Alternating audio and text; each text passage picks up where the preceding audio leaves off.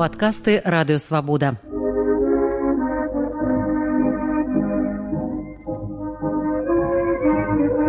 Сто гісторый пра БНР Сергеем шупам.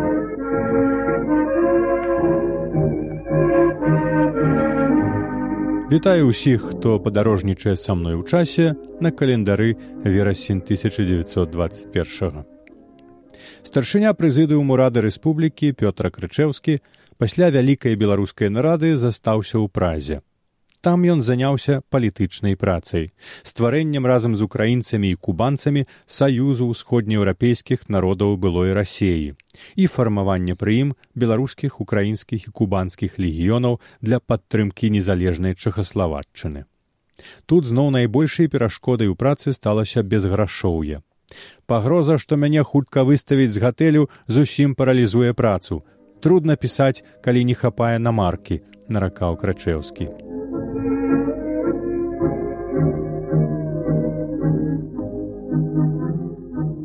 Пра ўмовы нават не жыцця, а існавання старшыні прэзідыуму рады БНР Пётры Крычеўскага ў празе сведчыць яго лісты вацлаву ластоўскаму ў коўна на працягу кастрычніка 21 лютага 22 году. Вось некалькі фрагментаў. Ужо аброс даўгамі з гаспадынямі крамкамі і добрымі знаёмымі. Хоць галодны, але бодрасці духу не трачу і ўвесь час таўкусь паміж усімі групамі і партыямі. Няхай цвікевіч прывязе мне хоць боты, бо ўжо босы хаджу, а калі можна, то і другія рэчы. Самі з дзядзькам вяршыненым і з сем'ямі абедаем толькі раз у тыдзень, а часамі і таго няма, дзе ж ужо тут думаць аб чым-небудзь. Аб Амерыцы я нічога пэўнага не магу сказаць, бо не ведаю, як это зрабіць без грошай. Калі ў вас не хапае грошай, каб прыслаць нам на абед, то як можна думаць аб Амерыцы? Зараз, каб нас усіх забіць разам, трое вяршыненых і настроя, то не знойдзеш па дзесяць галераў на душу, ходзім і паветра нюхаем. Чыста палітычнай працы з міністэрствамі не вяду, бо нават няма ў чым туды паказацца. Нагул наше жыццё тут такое паганае, што ледзьве-ледзьве дыхаем. Я цягну жабрацкае існаванне. Ведаю, што і ў вас трудна, але галадоўка дае знаць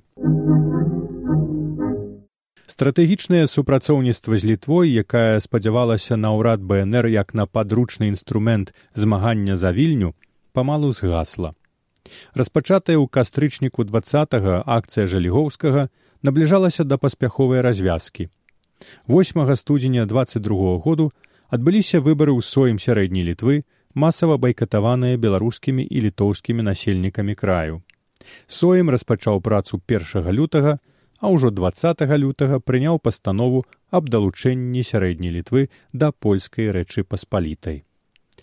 Так на два дзесяцігоддзі сталіцай літвы канчаткова стала коўна часовай сталіцай паводле прынятай першага жніўня 22 году канстытуцыі літоўскай дзяржавы.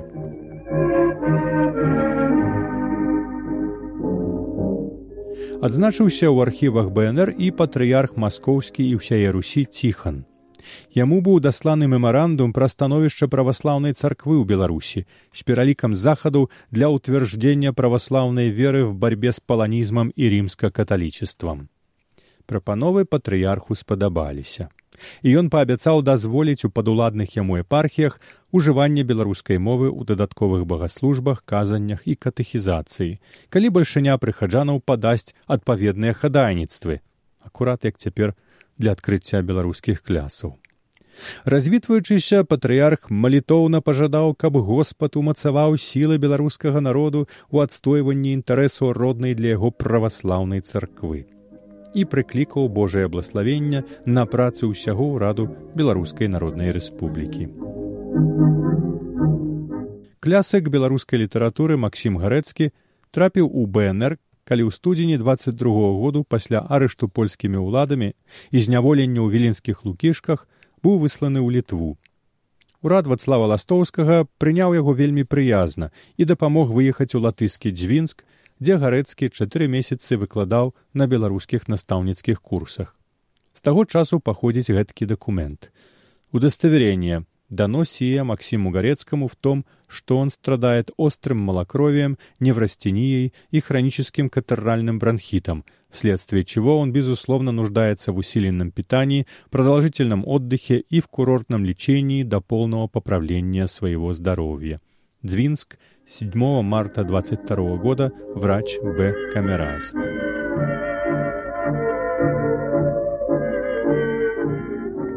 А Кастусій завітаў, ездзячы па латгальскай правінцыі спыніўся ў корсаўцы, самым паўночным беларускім пункце на этнаграфічнай карце беларускага племені Яўхіма карскага.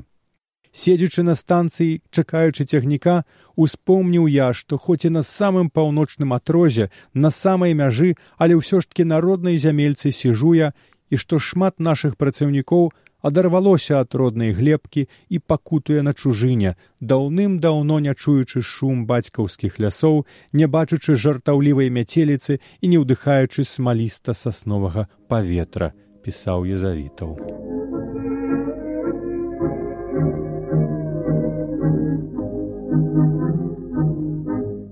Пра маркі асобнага атраду ВНР усе ведаюць. Значна большая рэдкасць маркі слуцкіх паўстанцаў, іх маюць у сваіх калекцыях толькі самыя заўзятыя і ўдачлівыя. Штаб слуцкай брыгады 1 снежня 20 выпусціў іх як наддрукоўкі на польскіх марках 25 грошаў на зялёнай пяцігрошавай і 50 грошаў на ружовай 15 грошавай.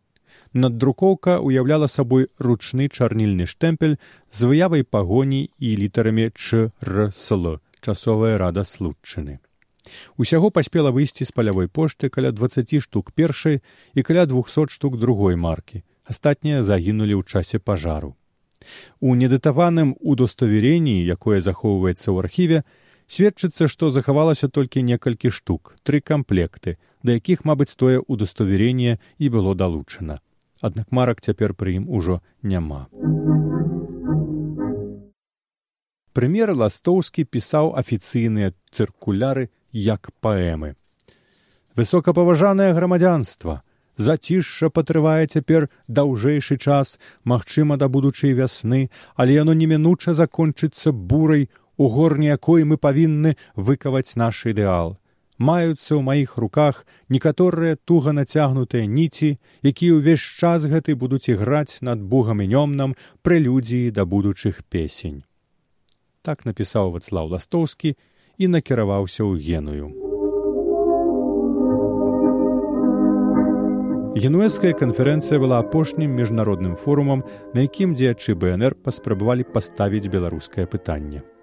Яна адбывалася з 10 красавіка да 19 траўня 22 году і мела за тэму аднаўлення эканамічнага жыцця цэнтральнай і ўсходняй Еўропы. Упершыню да ўдзелу ў форуме такога ўзроўню была дапушчаная бальшавіцкая рассея, якая прадстаўляла і іншыя савецкія рэспублікі у тым ліку бСр у мемарандуме ўраду бнр праводзілася думка што галоўная праблема нармалізацыі ўсходняй еўропы это польска-расійскія дачыненні а ў іх цэнтры барацьба за панавання над беларуссю прызнанне за рыскім трактатам моцы міжнароднага акту было б аграмаднейшым гвалтам над беларускім народам гвалтам роўным падзелу польшчы ў 1772 годзе з падобным гвалтам нацыянальна адраджаючыйся Беларусь ніколі не пагодзіцца. Замест міру край будзе засуджан на бесперапынную глухую барацьбу з акупацыяй. Народ не спыніць змагання датуль, пакуль не даб'ецца свайго вызвалення і аб'яднання, заяўлялася ў мемарандуме. Вырашыць вузел гэтых праблемаў можна вельмі проста скасаваць рыскі мір і прызнаць незалежнасць беларускай народнай рэспублікі ў яе этнаграфічных межах. Ластоўскі прыехаў у генную ў складзе літоўскай дэлегацыі.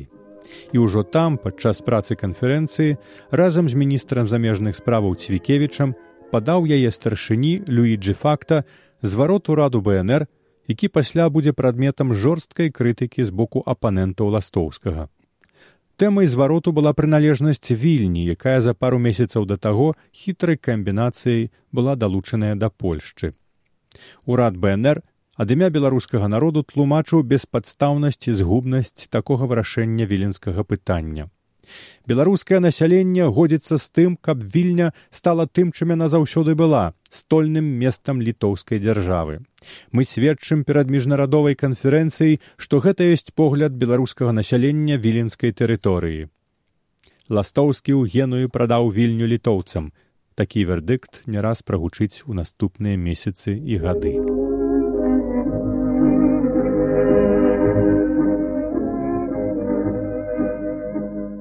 Хай яна згарыць тая вашая генуэская канферэнцыя, яна мяне таксама падвяла на 200 карон з тэлеграмамі пры нашай беднасці гэта чорт ведае што. Наракае з прагі Пётра Крачеўскі. З свайго галоднага палону ён вырвецца ў коўна ў пачатку жніўня 1922. -го.